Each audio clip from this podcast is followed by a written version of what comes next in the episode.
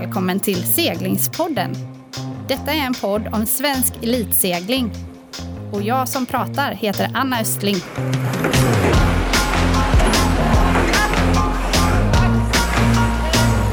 Seglingspodden presenteras i samarbete med Svenska Seglarförbundet och Helly Hansen.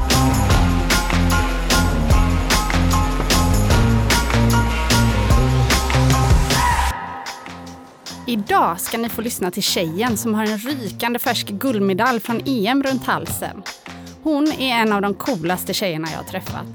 Helt orädd navigerar hon lugnt bland alla möjligheter och dörrar som öppnas.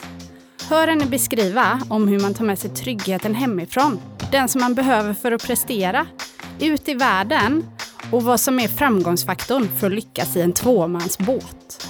Välkommen till seglingspodden, ingen mindre än vår guldstjärna och 470-seglare Lovisa Karlsson!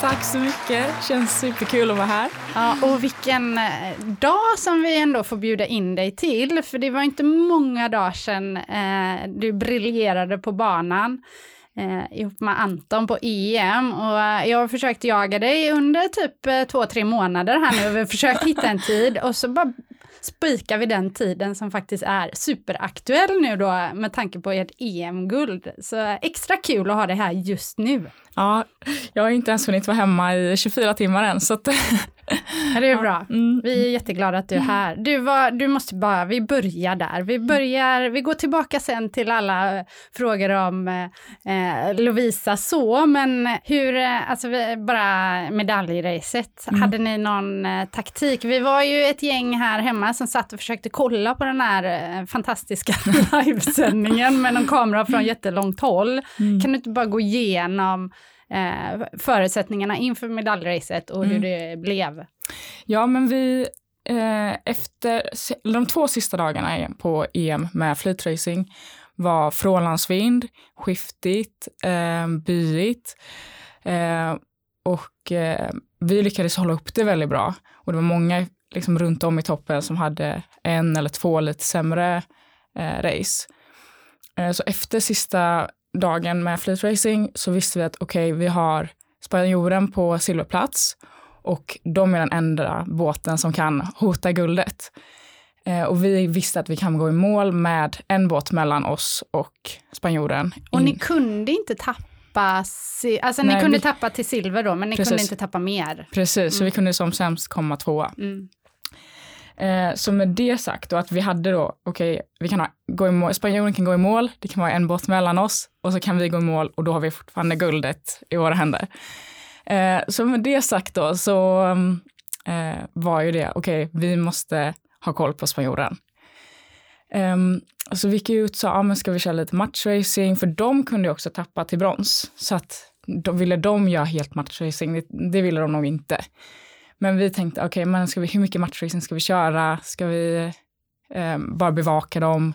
Följa men, med? När ni gick ut, pratade ni om detta? Menar du ja, det? Alltså, alltså, innan vi gick ut vattnet. Ja, alltså. Okay. ja, för jag tänker, ni måste ju kvällen innan ja, ja, där. Liksom. Ja, ja, bra, då är jag med. Ja, men innan vi eh, var ute på vattnet. Um, men sen var det också frånlandsvind igen. Um, väldigt mycket, ja men det var kanske 16 knop. Uh, väldigt vridigt. Så mycket händer. Ja. visst, vi kan inte ha helt koll på spanska båten, för det händer så mycket runt om på banan. Och det kommer göra det för alla båtar, det är ju ändå tio båtar med. Um, men så börjar då i starten med att um, vi börjar gå lite på attack med, mot spanjoren. Men gör det inte riktigt felfritt, utan de får övertaget. Så då vi ligger runt och jagas lite av spanjoren. De får ett straff på oss Innan starten går? Innan starten. Ehm, men vi hinner ta det innan starten och hinner precis komma iväg så att vi startar. Ja, men, vi kommer iväg i starten, inte en kanonstart, men vi kommer iväg. Um, och, och de kommer egentligen iväg lite bättre än vad vi gör. Uh, och sen på första kryssen lyckas vi ändå se, okej, okay, vi ser vår båt. Vi vill liksom vara hyfsat nära spanjoren, men ändå segla vår båt och är uh, före dem uppe vid kryssmärket. Härligt. Och det känns okej, okay, lite, känns ändå lite bra, vi har ändå lite kontroll. Um, och på uh, första länsen gör vi en lite sämre jeep um, och, tappar spanjoren. Så de rundar precis före oss nere vid gaten. Och vi kan ju tillägga att det blåser ju asmycket. Precis. Alltså det är typ, eh, jag hörde nämligen att eh, några av dem, spanjor, spanjorskan, Mm. alltså de hade kapsejsat innan start. Jaha, ja, Den det visste inte nej, ens. nej, ja, det sa de där och liksom, då tänkte jag bara shit, det här kan ju ändå allt hända. ja, men det var lite så.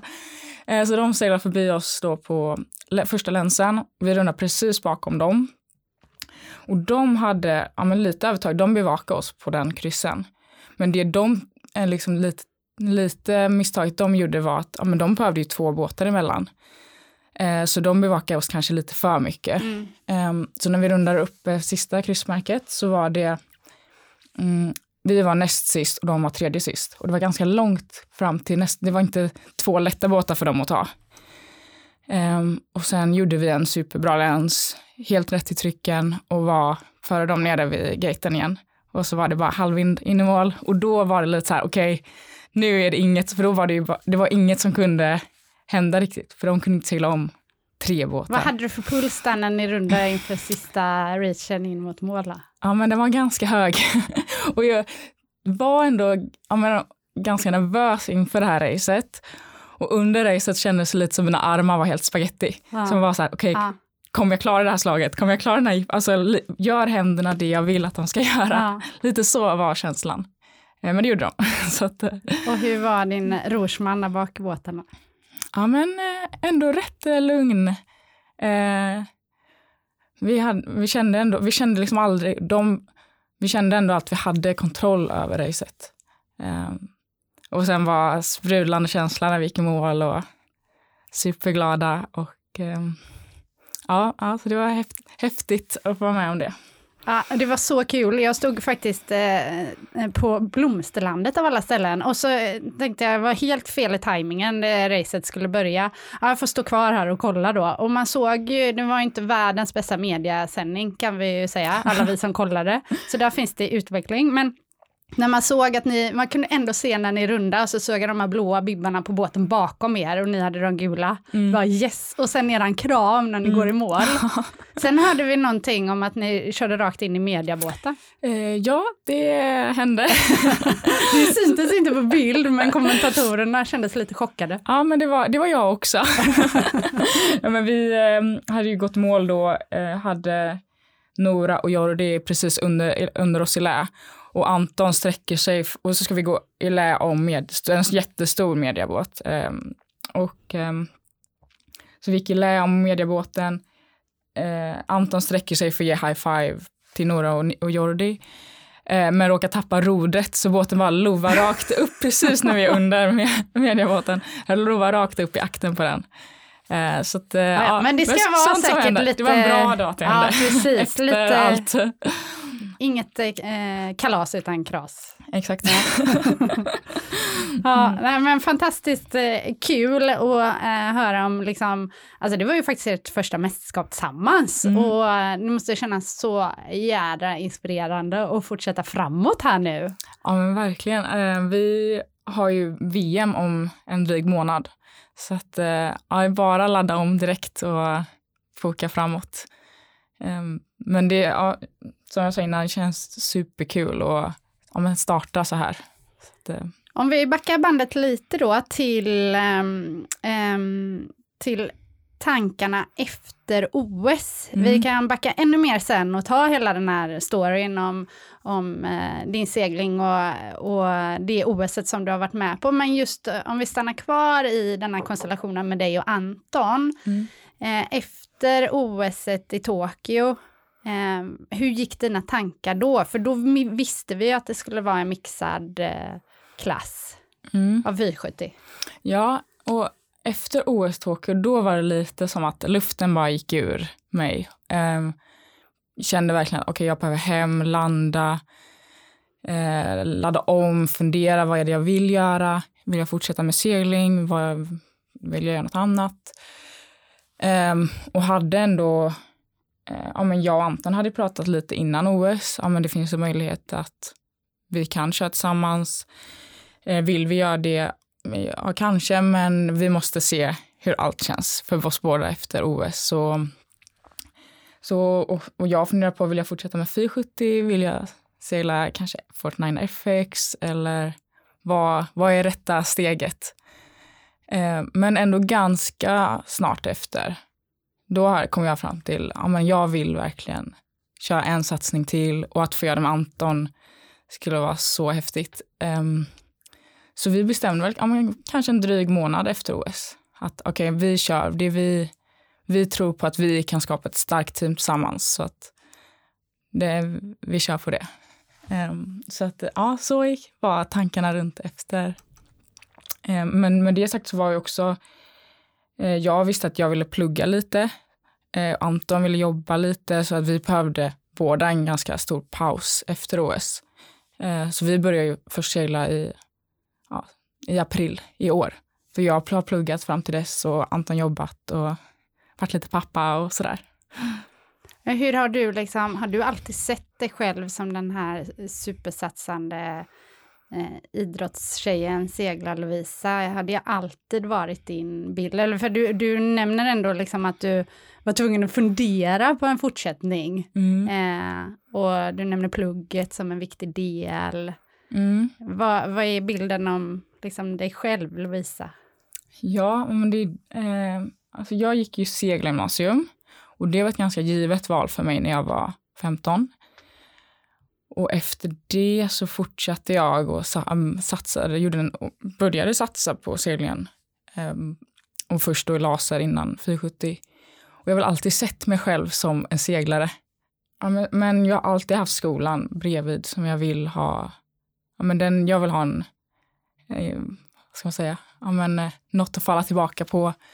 Och jag vet, jag kommer nog inte segla tills jag, eller jo, jag kommer ju segla tills jag dör, men jag kommer, vill ändå ha, kommer jag kanske göra någon annan karriär i livet också. Um, så det har ändå varit en viktig del för mig.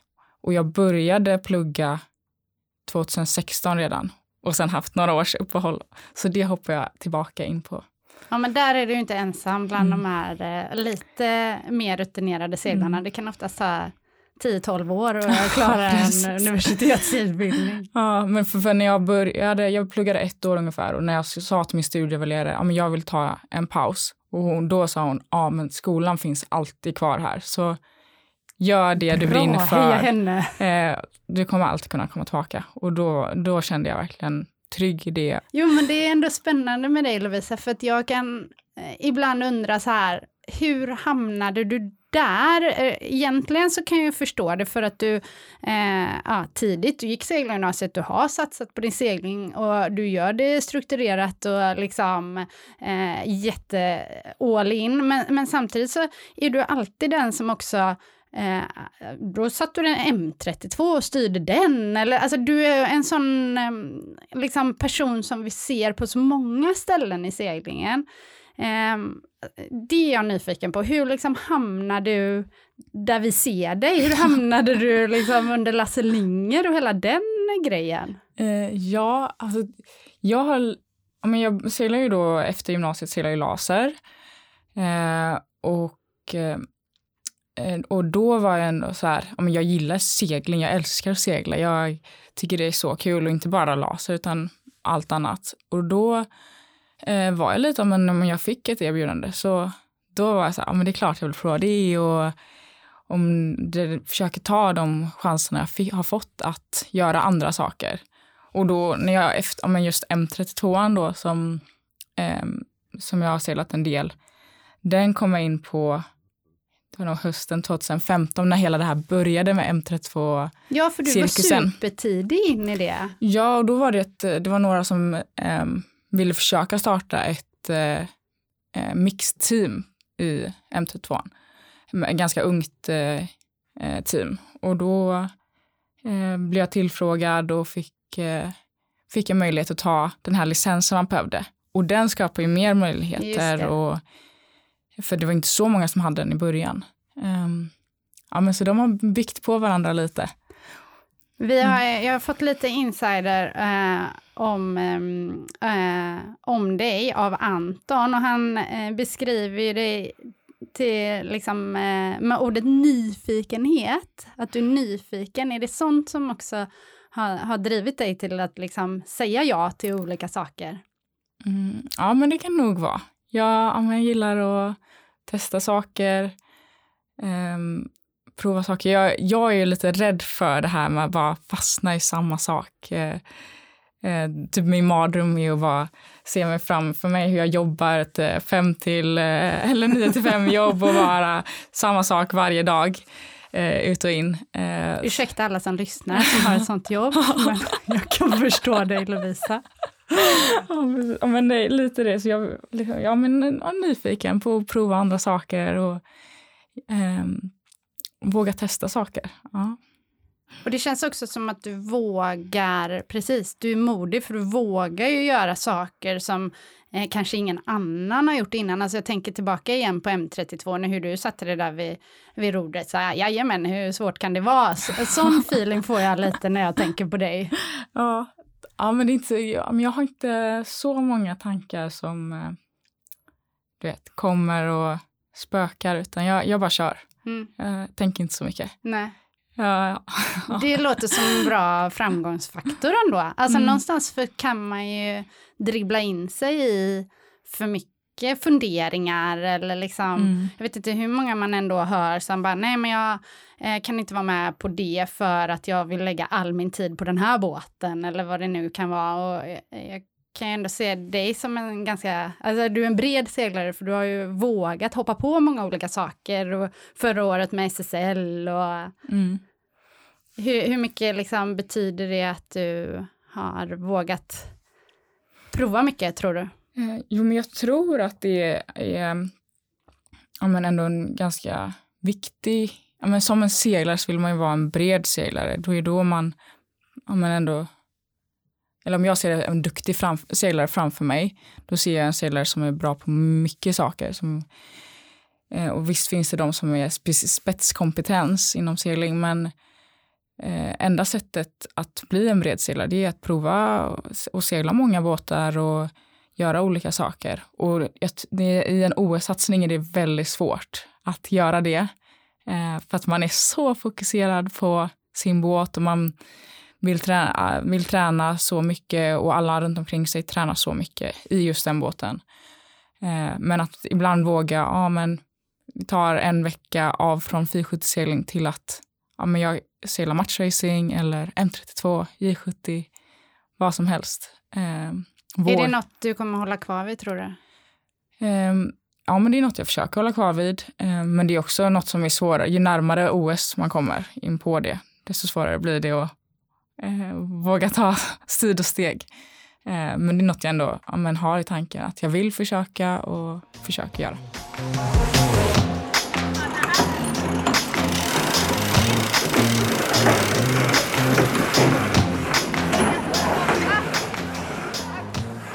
Okej, allt från att du har styrt M32 eh, och gastat SSL, varit på stora båtar, små båtar, så är det ju ändå kanske tvåmansbåten som är ditt liksom, riktiga ja, element. Mm. Du, du har liksom varit under väldigt många år. Eh, jag tänker lite på teamdynamiken och liksom hur man nästan blir ett med den man kör med. Um, hur, vad tänker du om det här med typ utrymme att vara sig själv eh, kontra ge den andra personen plats att vara sig själv? Nu, du har ju varit i en konstellation med Olivia innan jättemånga år och nu ska du eh, ah, köra ihop dig med Anton. Just tvåmansbåt och den utmaningen. Mm, ja, jag jag, jag ser det som att det är en av de svåraste sakerna med att segla just tvåmansbåt. Man vet ju jättemycket om individuella sporter och om stora teamsporter som fotboll till exempel. Men just att man är två, det är ganska speciellt och ganska häftigt för att man lär känna varandra så väl när man spenderar så mycket tid till varandra och dessutom ska prestera tillsammans. Eh, och just det som du säger, att amen, att man ska vara sig själv, få sin plats i det här teamet av två. Eh, det tror jag är något som man, om man lyckas med det, då har man kommit rätt långt.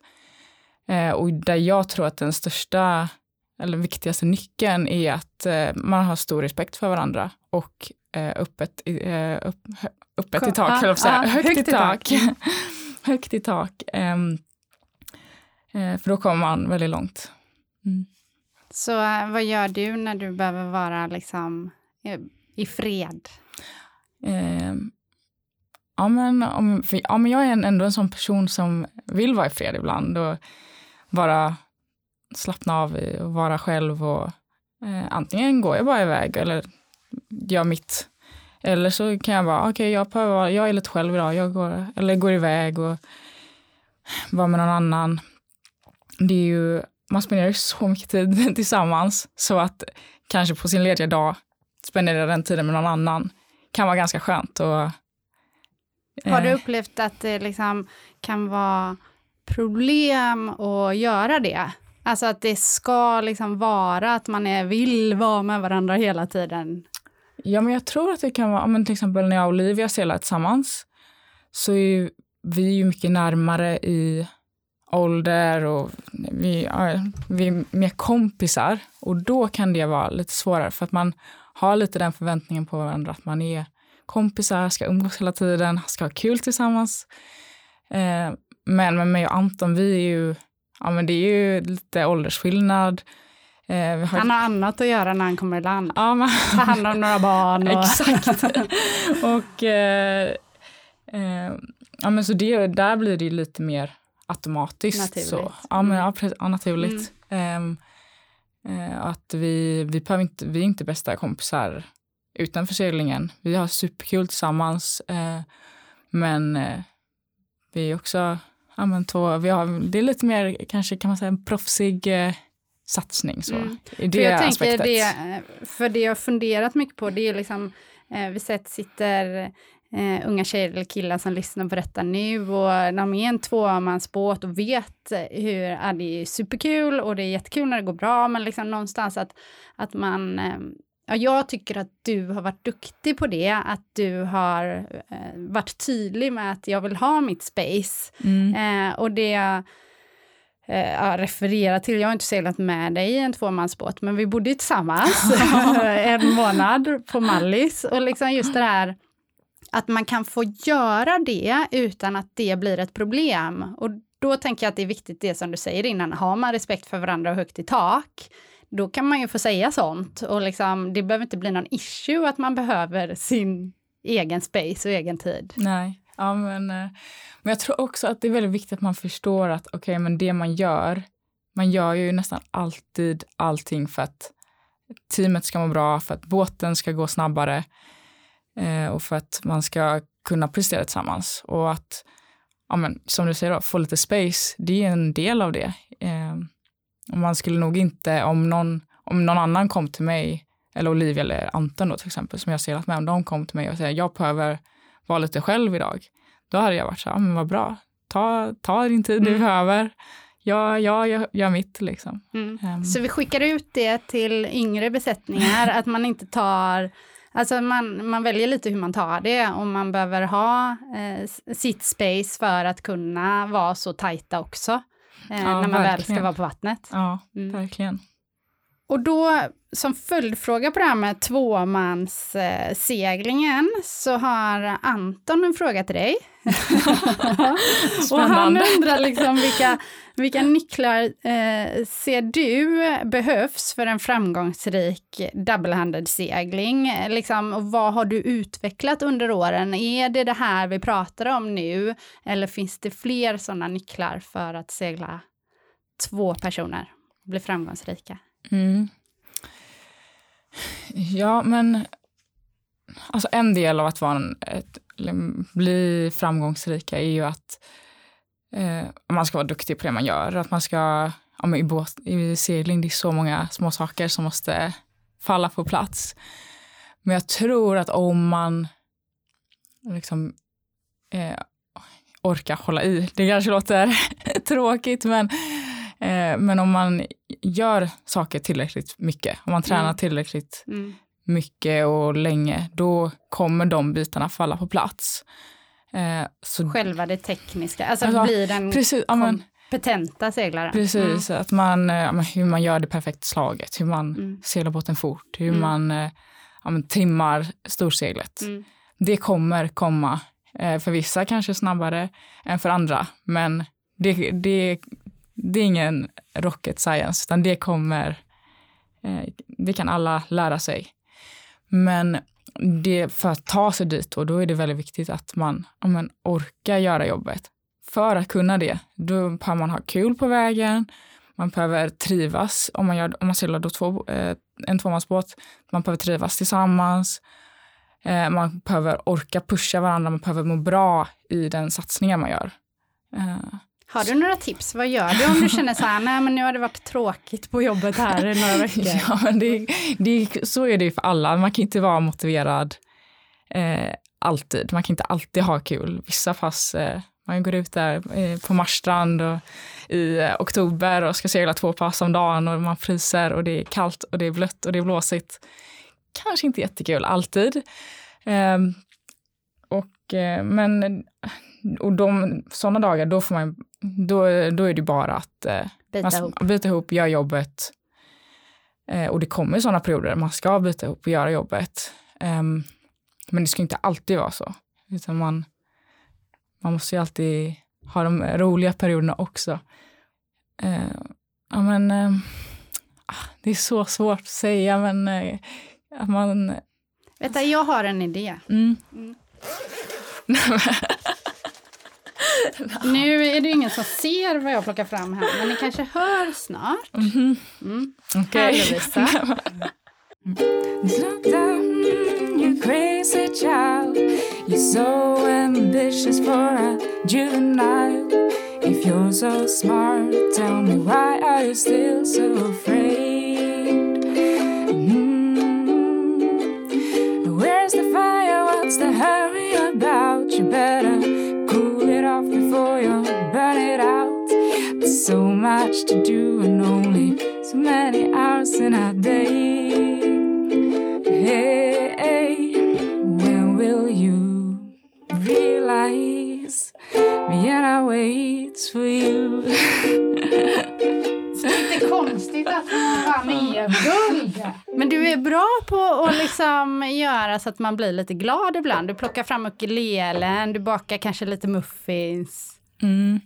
Alltså, ja, men, om man gör då en OS-satsning, man spenderar så mycket tid, man reser mycket, man, eh, ja, man är ju borta väldigt mycket, eh, spenderar mycket tid tillsammans. Och jag, det som har varit en viktig del för mig är att jag kan slappna av i det. Att jag kan känna mig lite hemma när man är borta i sex veckor. Man, att jag känner att eh, jag kan eh, ladda batterierna även fast jag är, inte är hemma. Mm, och då eh, har ju en del av det varit att, ja, men till exempel då, jag brukar ha med min ukulele som jag kan spela på.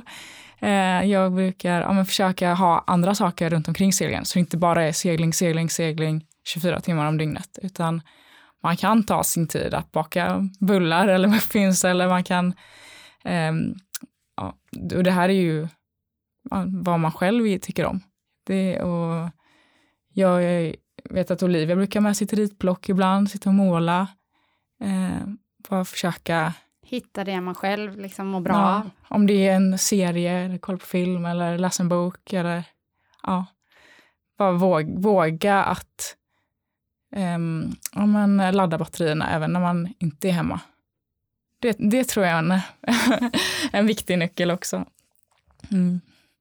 Det låter som att du är ändå ganska trygg i dig själv. Att bara höra dig säga till exempel att det där med slagen eller jipparna eller liksom det vi gör i båten, det kommer komma. Mm. Eh, så, så får jag en känsla av att du inte liksom stressar upp dig över saker. Stämmer det?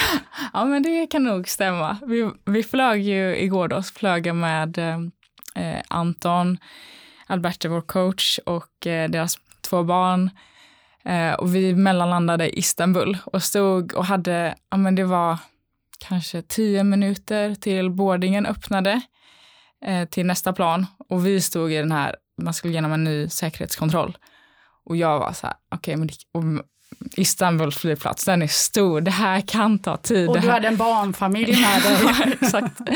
Och om vi ska till andra sidan, det, det kan ta ett tag att gå.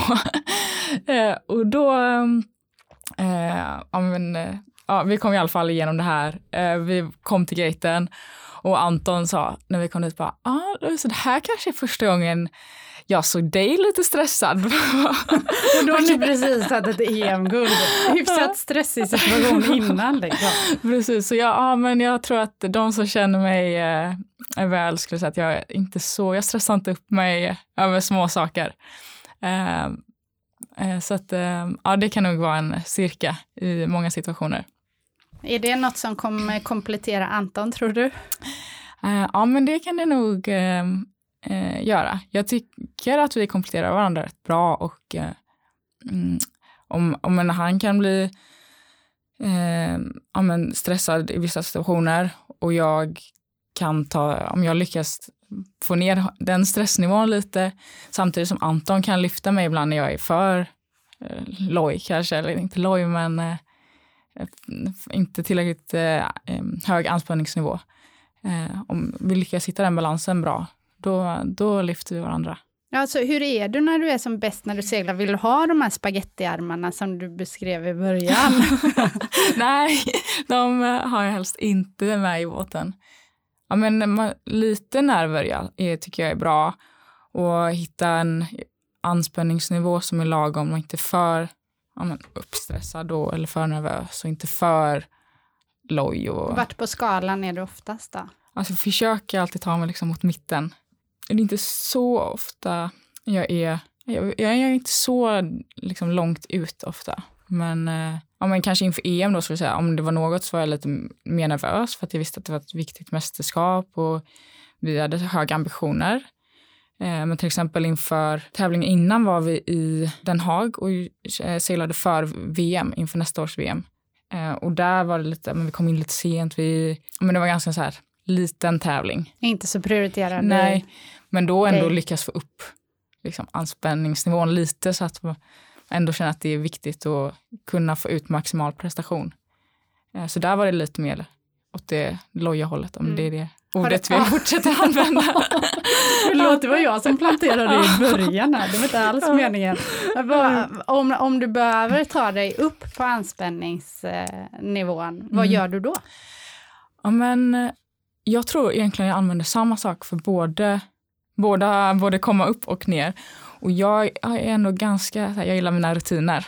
Och att eh, jag, när jag, inför en tävlingsdag då, så går jag upp, äter min frukost och sen vill jag ha mina 30 minuter och värma upp kroppen lite, köra lite så här, ja, aktivering, eh, värma upp huvudet lite med lite så meditation eller avslappningsövningar.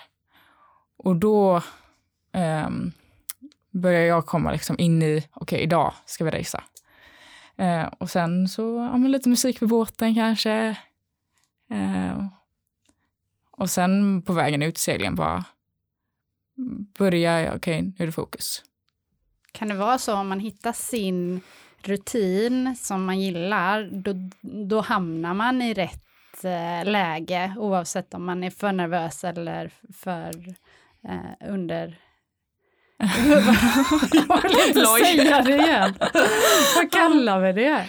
Um, Mm. För låg anspänning. Ja, precis. Um, nej men, för vissa kanske det gör det. Men um, jag tror mer det handlar om att man, eller i alla fall för mig, att uh, de här rutinerna skapar en liten trygghet. Mm. Man, att det, Något att hålla sig i. Ja, lite så. Att, de, uh, och att det liksom kickar igång lite just, liksom för kroppen och huvudet. Att ah, men det här, det, det, det är det vi gör idag. Då är det racing.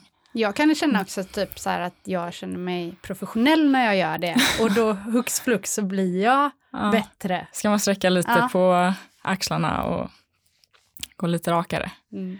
Och det gäller ju lite samma när man kommer ut ur vattnet, att man, gör, man skapar de rutiner man vill ha innan start, sina förberedelser. Så att man kommer in i det också, att inte göra olika inför varje race, utan man hittar de rutiner man tycker om och tycker fungerar. Jag klurar lite på hur man gör nu. Nu är ni ju faktiskt eh, typ bäst i den här klassen. Eh, låt det sjunka in och känn dig stolt över det. Eh, men eh, liksom hur, hur tittar man framåt då? Hur tar man nästa kliv? Eh, har ni några ni kan se upp till eller liksom? Förstår du vad jag mm, tänker? Ja ja, men vi, men kanske inte några så ja men jo, klart vi har båtar vi ser upp till och kanske folk som har seglat tidigare och gjort i, men just 470 då, eller andra i andra klasser som vi ser upp till, jag tycker är duktiga eh, och inspirerande seglare. Eh, men sen så är vi hela tiden att ja, men vi, vi måste bli bättre. Vi tror att vi har ganska mycket kvar att lära tillsammans. Eh, och det är ju det som motiverar oss att ja, men vi kan bli bättre. Vi, ja, vi har mycket saker som vi kan bli bättre på. Det är en utmaning och något som båda vi drivs av. För man, man tänker ju att det kan finnas en risk i om, om det börjar väldigt bra och det mm. går bra länge och sen så liksom de här som har er att se upp till, de kommer ju sakta men säkert knapra ikapp och det kommer bli en säkert en hårdare konkurrens ju närmare ett OS man kommer. Ja, precis. Det kommer det definitivt bli. Men jag tror att eh, jag och Anton har inte riktigt, eh, han, han får rätta mig nu om, det, om han kanske håller med, men att vi har inte riktigt känt att, men att vi är på topp. Det, det är inte där vi är i båten än. Vi, har, vi gör ja, men massa misstag hela tiden och ibland kanske de är mindre än våra konkurrenters. Eh, men vi fokar mycket på att vi ska bli utvecklas hela tiden. Ja, för vi är väldigt ödmjuka inför den här uppgiften vi har tagit oss an. Att det kommer inte vara en lätt resa, utan det är, vi behöver jobba hårt och jobba hårt varje dag fram till OS om vi ska nå de målen vi har satt upp. Och för att utvecklas hela tiden, det, det låter som att ni verkligen båda två drivs av utveckling. Eh, vad tror du är viktigt för konstant utveckling? Det är en svår fråga, för jag tror inte att man kan ha konstant utveckling. Det kommer alltid gå upp och ner och ibland tar man ett steg bak för att kunna ta två steg framåt.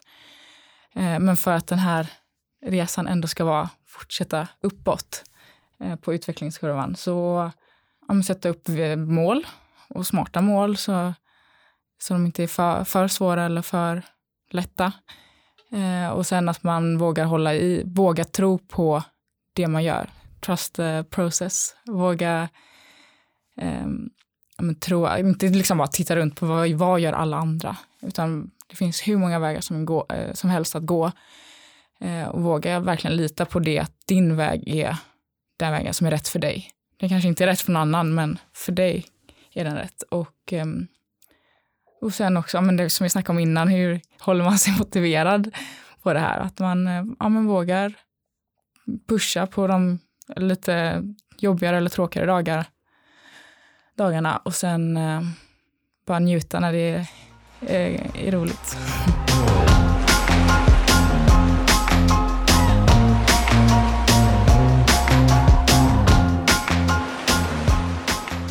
jag hade ju Rebecka och Vilma på länk mm. och då ville ju Rebecka höra dig här i podden.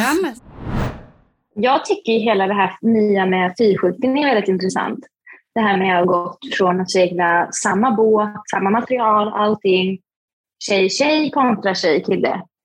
Så att jag hade nog tyckt det varit kul att lyssna lite på Lovisa Karlsson om hon känner skillnaderna än så länge.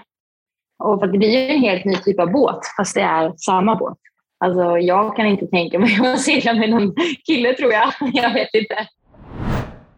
Ja, eh, ja men innan eh, jag och Anton började segla, då har jag ändå seglat i killteam, ja, men, som vi snackade om innan, M32 och J70. Så det har inte varit en helt främmande värld för mig. Eh, och, eh, och, ibland kan jag känna att ja, men, eh, eh, kille och tjej kan vara ganska bra dynamik tillsammans. Eh, så, att, ehm, så det var inte alls något så här främmande eller läskigt för mig. Ehm, men eh, alltså kille, segla kille och tjej, det är ju Um, nu vet inte jag om jag nej, babblar på ja, nej, det är kul. Håll här, det är kul. Men att segla kille och tjej, det är ju, alltså för mig när vi väl racear, då är det precis som att segla vem som helst. Det spelar ingen roll om det är kille, tjej eller... Eh, utan man fokuserar bara på uppgiften. Har det hänt något i liksom klassen och utvecklingen än? Eller mm. är det ungefär samma som innan? Nej, ja, men ja och nej. Det, för det har ju blivit... För tjejflitet var ju lite lätt, ett lättare flit viktmässigt än killflitet. Eh, så det är ju en skillnad. Jag blev, det, innan vi började segla var det så här, kommer de tunga besättningarna vara bra eller kommer de lätta besättningarna vara bra? Um, så det var ju någon så här snackis. Hur, vad, är, vad blir optimalvikten nu relativt flitet? Um, men där jag skulle säga att det är, det är liksom inte det som är den stora grejen, utan eh, det är ju ja, mer um, ja, men varje team för sig som, som lyckas göra det. Hur har relationen varit, liksom, um, vem som styr och vem som gastar? Och har det varit liksom en snackis eller har folk... Mm. Ja, men det var ju lite snackigt, för att eh, när det blåser mycket väldigt mycket, då blir båten lite mer fysisk för eh, rorsman. För den behöver driva båten mera med storseglet och rodret. Men sen när det blåser mellanvind, när vi har fri pumpning, då är det ju mer eh, fysiskt för gasten. Kommer, för det är ju ändå okej, okay, killar, tjejer, hur vi är uppbyggda på olika sätt. Vem kommer, kommer killarna orka pumpa mer? Mm har ni märkt det? Liksom, om ni, har ni, hamnat, ni kanske inte har kört så länge så att det är jättetydligt om nej. man kör fart, kör mot varandra? I nej, precis. Utan eh, vi har ju nog inte raceat när det har varit eller vi har inte raceat så mycket när det har varit eh, fri pumpning och bara rena pumprace. Eh, så jag tycker inte man har kunnat se att det är någonting som är och det är väl ett liksom... ganska litet spann som ni har egentligen möjlighet till den fripumpningen? Ja, precis. För innan, innan, när det är lättare vind, då får vi inte pumpa. Och sen så efter en viss vind så gör man inte gör man inte? Nej. Nej, precis. Mm. Då tjänar man inget på det längre. Så att, um, ja, men så det är inget så här som jag tycker påverkar, utan uh, det känns verkligen som att det, alla konstellationer funkar och det är mer att man ska kunna hitta varandra och göra det bra tillsammans. Mm. Mm. Men det är ju lite kul. Anton ringde mig innan vi började segla i våras. Så ringde han och bara, men Lovisa, jag har funderat på en sak. Alltså, måste, alltså hur, hur går du på toa ute på vattnet? Hur, hur kissar du på vattnet? Behöver vi alltid ha en coach med, coachbåt med ute på vattnet så du kan gå på toa? Och jag bara skrattade. Jag har klarat mig utan coachbåt. Men det var väldigt gullig tanke. Ja, ja. men så det, det var, innan vi började säga var det ändå några sådana här lite det roliga Det har inte de tänkt på, undrar hur... ja, men det är ju faktiskt min analys också av dig inför detta, att du är ju Alltså du har lätt att samarbeta med olika. Du har ju seglat med mycket killar och av någon anledning så funkar ju det jättebra för dig och det kanske är också en personlighetsgrej som gör att det är lättare för vissa, svårare för vissa. Det får väl tiden utvisa. Men jag har ändå tänkt så här, men Lovisa, du kommer lösa det skitbra. ja, ja, det är bra. Ja, men det är, ja, det hittills har vi inte stött på några större svårigheter just med det här ja, kille och tjej. Hur var det att ha Alberte som coach då? Ni hade ju faktiskt henne lite, du och Olivia innan, så det har inte varit, det är inte en främmande ny coach för dig. Nej, utan jag och Olivia hade ju henne hela sista året inför OS och hon var med, även med på OS. Eh, och jag tycker att hon är en super eh, superkompetent eh, coach och hon känner ju ja, såklart ja, Anton Vi kanske ska förtydliga då att Anton och Albert är gifta och har två barn. Precis. Precis. Eh, så att, ja, men hon känner ju Anton väldigt bra och hon känner mig väldigt bra. Eh, men inför den här, det här året har vi ändå sagt att ja, vi vill ha lite olika coacher som hjälper oss i år. Och hon var ett namn på listan väldigt tidigt. Eh, så det var ja, men väldigt kul att hon kunde vara med på just det här EMet och eh, ja, men hon, en av hennes superstyrkor är verkligen att kunna läsa av personer, förstå att i ett team av två så, kan man, så är det två personligheter, det är två som behövs eh, coachas. Och att verkligen så här, okej, okay, vad behöver Lovisa nu? Vad behöver Anton nu? Ja, men under det här mästerskapet, ja, det var en supertrygghet att ha med henne. När jag bad Anton om lite input inför detta så skrev han bara först och främst fantastisk idrottskvinna, professionell, kompetent och nyfiken. Mm. Känns det? Ja, det är väldigt fina ord. Hur skulle du beskriva Anton? Eh, om en, om som alla vet är Anton en väldigt rutinerad seglare eh, och extremt kompetent. Eh, och han, några av hans superstyrkor är verkligen att han kan styra på båten väldigt snabbt eh, runt, överallt runt banan. Om jag ser på Anton som person så är han ju, han har extremt mycket energi och sprider väldigt mycket glädje eh, både i båten och eh, runt omkring. Han är väldigt bra på att lyfta personer runt omkring sig, vilket, vilket jag tycker är en väldigt fin egenskap. Det är gött när man är runt om honom också, man bara blir upplyften. Precis. Det känns som att ni har ganska kul på hamnplan. Ja, det, det har vi. Okej Lovisa, det börjar bli ungefär 40 grader här i poddstudion och vi har suttit ganska länge. Jag vet att du ska iväg nu på OS-klubbsträff på GKSS. Eh, innan jag släpper dig, eh, först och främst alltså, supertack för att du tog dig tid. Jag fattar att du egentligen är jättetrött och precis landat, men eh, vi är jättetacksamma att vi fick höra detta nu. eh, men om du får välja, vem skulle du vilja höra i seglingspodden framöver? Um, ja, men uh, jag har faktiskt funderat på den här. Ja, du för, kanske tänkte att frågan kunde innan komma. att den kan komma. Ja. Uh, och det är ju väl många superhäftiga seglare som redan varit här. Men jag skulle verkligen vilja höra en till coach och då, men höra Albertes eh, tankar och ja, som jag sa innan, hon är en superkompetent och grym coach och verkligen höra hur, hur, hur kan man få ut det bästa av en seglare eh, när det gäller som mest. Det, det skulle jag vilja höra. Och hur kan man få ut det bästa av två olika seglare när det gäller som mest i samma race? Ja, den tar vi med oss och mm. vi ringer Alberte direkt. Hon eh, är ju såklart en stor del i den här medaljen också. Okej, tack Lovisa. Jag släpper ut dig ur poddstudion nu och äh, önskar dig all lycka framöver. Vi följer er på VM.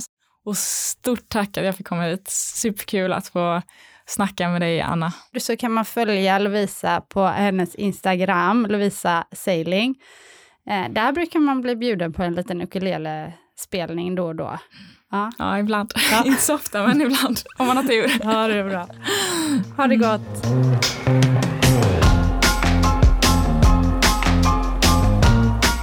Hon är cool Lovisa. Tänk att hon bjöd på sin ukulele-uppladdning här för oss. Hon är uppenbarligen bra på att våga vara utanför sin comfort zone. Det måste ju också vara en av hennes främsta styrkor och nycklar i att ha kommit så långt. Hoppas att du har lärt dig något nytt idag och att du gillade avsnittet lika mycket som jag. Tack för att du har lyssnat. Vi hörs igen om två veckor.